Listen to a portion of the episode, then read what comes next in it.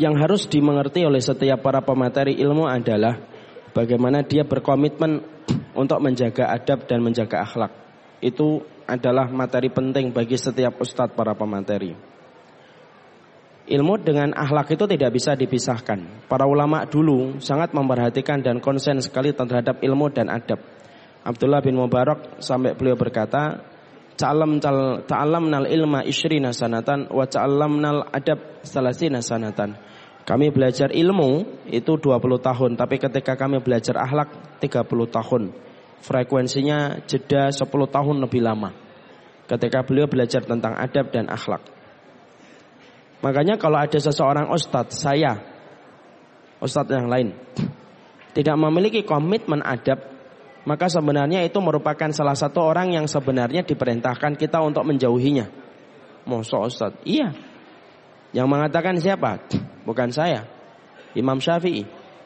Imam Syafi'i berkata, Man ahabba ayyaftahallahu lahu qalbahu au yunawwirahu fa'alaihi bil khulwah wa tarkus sufaha wa qillatul akal wa bughdhu ahli ilmi alladhi laysa ma'hum insafun wala adab. Kalau ada orang yang ingin dilapangkan hatinya, ingin diberikan cahaya pada jiwanya, hendaklah dia sering berdoa dengan Allah. Sedikit makanya meninggalkan orang yang mengikuti nafsunya tanpa henti. Wa bughdhu ahli ilmi. Dibenci orang berilmu kalau tidak punya komitmen adab adabnya dan tidak punya komitmen untuk bijaksana. Di situ kita mendapati su'ul yuk di penyakit buruk itu nular. Kalau yang tidak berakhlak itu orang biasa berhenti sama dia doang. Mentok paling-paling nanti kalau ngelamar akhwatnya males nerima. Mentoknya di situ. Tapi kalau ustadz tidak memiliki akhlak, yang akan mengikuti dia banyak. Yang mengikuti dia banyak. Dan itulah yang kemudian kita khawatirkan ketika para ustadz termasuk saya tidak berusaha untuk menjaga akhlak kita kepada sesama orang yang beriman. Kalau konteksnya itu ada perbedaan, maka kemudian konteksnya kalau ada perbedaan, maka diwajibkan setiap dari kita menunjukkan rasa hormat kita kepada sesuatu walaupun terkadang kita berbeda. Walaupun konteksnya kadang-kadang kita berbeda itu wajar. Karena sesungguhnya merasa paling benar itu ada dua, Bu. Ada dua kelompok. Ada orang yang merasa paling benar, tapi dia menyalahkan semua pendapat yang tidak sama dengan pendapat dia. Itu kelompok yang pertama. Saya tidak memilih kelompok itu, dan itu hak saya. Ada kelompok yang kedua, merasa paling benar dengan apa yang kita pilih, tetapi kita tidak merendahkan setiap pendapat yang tidak sama dengan pendapat kita. Saya tidak merendah. Saya kalau ditanya, saya akan mengambil pendapat yang menurut saya benar. Saya kalau ditanya jenggot saya mengatakan sunnah. Kalau saya ditanya tentang isbal saya di atas mata kaki. Itulah pendapat yang menurut saya hari ini paling benar menurut saya. Setelah saya kaji dalam proses fakultas syariah yang saya ikuti sampai kemudian 8 tahun, itu yang saya dapatkan. Tapi ketika saya meyakini satu pendapat bukan berarti saya akan hujat setiap orang yang tidak sama pendapatnya dengan saya. Karena apa? Karena sesungguhnya kadang-kadang kita akan mendapati konteks perbedaan itu terjadi. Dan sesungguhnya mengerim perbedaan itu merupakan sesuatu kebaikan dalam kehidupan sunnah. Menghindari perbedaan itu kebaikan dari sunnah. Mosok? Iya. Mana dalilnya? Saya akan sampaikan dalil. Ini jadi penutup, masih ada lima menit. Saya pernah memberikan satu kajian.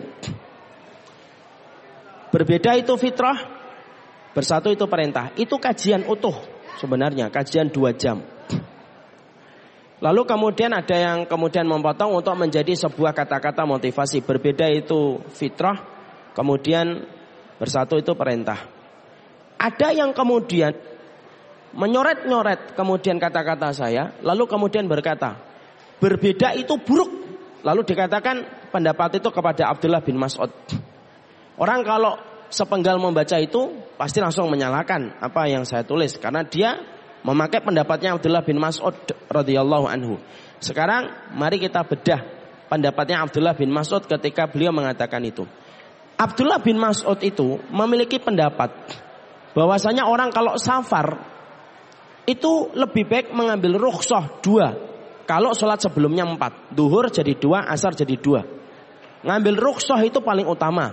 Kata Abdullah bin Mas'ud.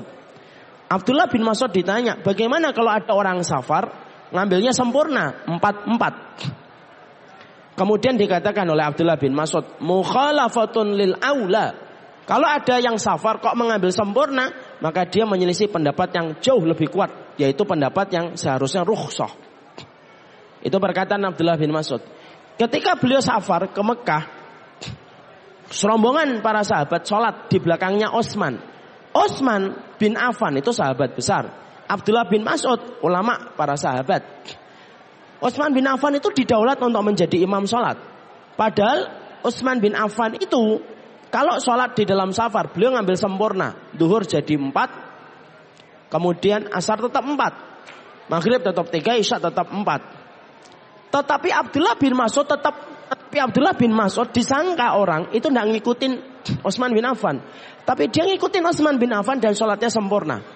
Setelah sholat, orang-orang komentar, ya Abdullah bin Mas'ud, kamu mengatakan bahwasanya orang yang safar itu sempurna sholatnya itu mukhalafatun lil aula. Pendapatnya berbeda dan dengan yang lebih kuat. Tapi kamu malah kemudian sholatnya sempurna. Perhatikan apa jawaban dari Abdullah bin Mas'ud. Al khilafu syarrun. Merawat perbedaan itu buruk. Selama masih bisa untuk dikompromikan. Sekarang yang benar saya atau kemudian orang yang mencela untuk menghormati perbedaan.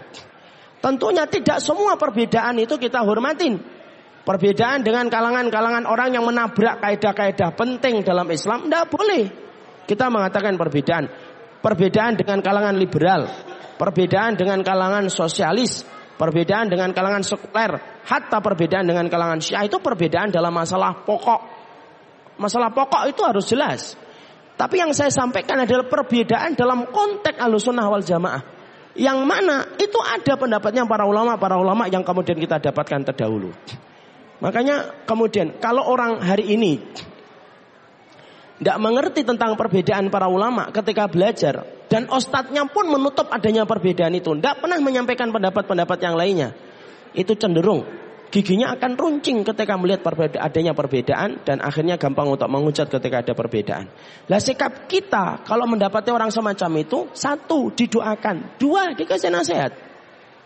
Dan itu susah. Kenapa? Orang yang susah dikasih nasihat itu orang yang fanatik buta selain orang yang jatuh cinta. Kalau orang jatuh cinta memang susah, tapi orang yang fanatik juga susah dikasih nasihat. Tapi kita harus menyelamatkan. Kalau kemudian dia jangan sampai kemudian dia akhirnya terperosok kepada dosa ketika akhirnya menganggap setiap orang itu batil dan akhirnya mengembalikan kebenaran parameternya kepada kelompok dan golongan dia. Bedakan juga antara mengambil pendapat dengan bermuamalah. Saya itu pendapatnya, mungkin saya dengan Ustadz Adi, dengan Ustadz Soma, dengan Ustadz Felix, mungkin berbeda. Oh gaya kita pakai aja beda kok. Tapi kalau bermuamalah, selama kita bisa bicara tentang konteks pekerjaan-pekerjaan besar Islam, kenapa kita nggak bicara bicara baik-baik? Karena apa? Karena sesungguhnya perbedaan itu buruk. Kalau kemudian kita masih bisa sikapi dengan kita menghormati, dengan mengatakan ya memang perbedaan itu adalah fitrah dalam kehidupan. Selama itu konteksnya sesuai dengan kultur perbedaan para ulama dari kalangan ulama terdahulu. Paham ibu? Jadi yang pertama didoakan, dina, terus kemudian yang kedua dinasehati. Kalau tidak bisa juga, mungkin besok dia akan sadar, mungkin lusa, mungkin kemudian pekan depan, mungkin kemudian satu depan. Oh mungkin anaknya yang nggak kayak gitu. Ya sudah, wong namanya dakwah itu nanam benih dan kita tidak pernah tahu kapan kita memetik buah manis dari dakwah yang kita sampaikan.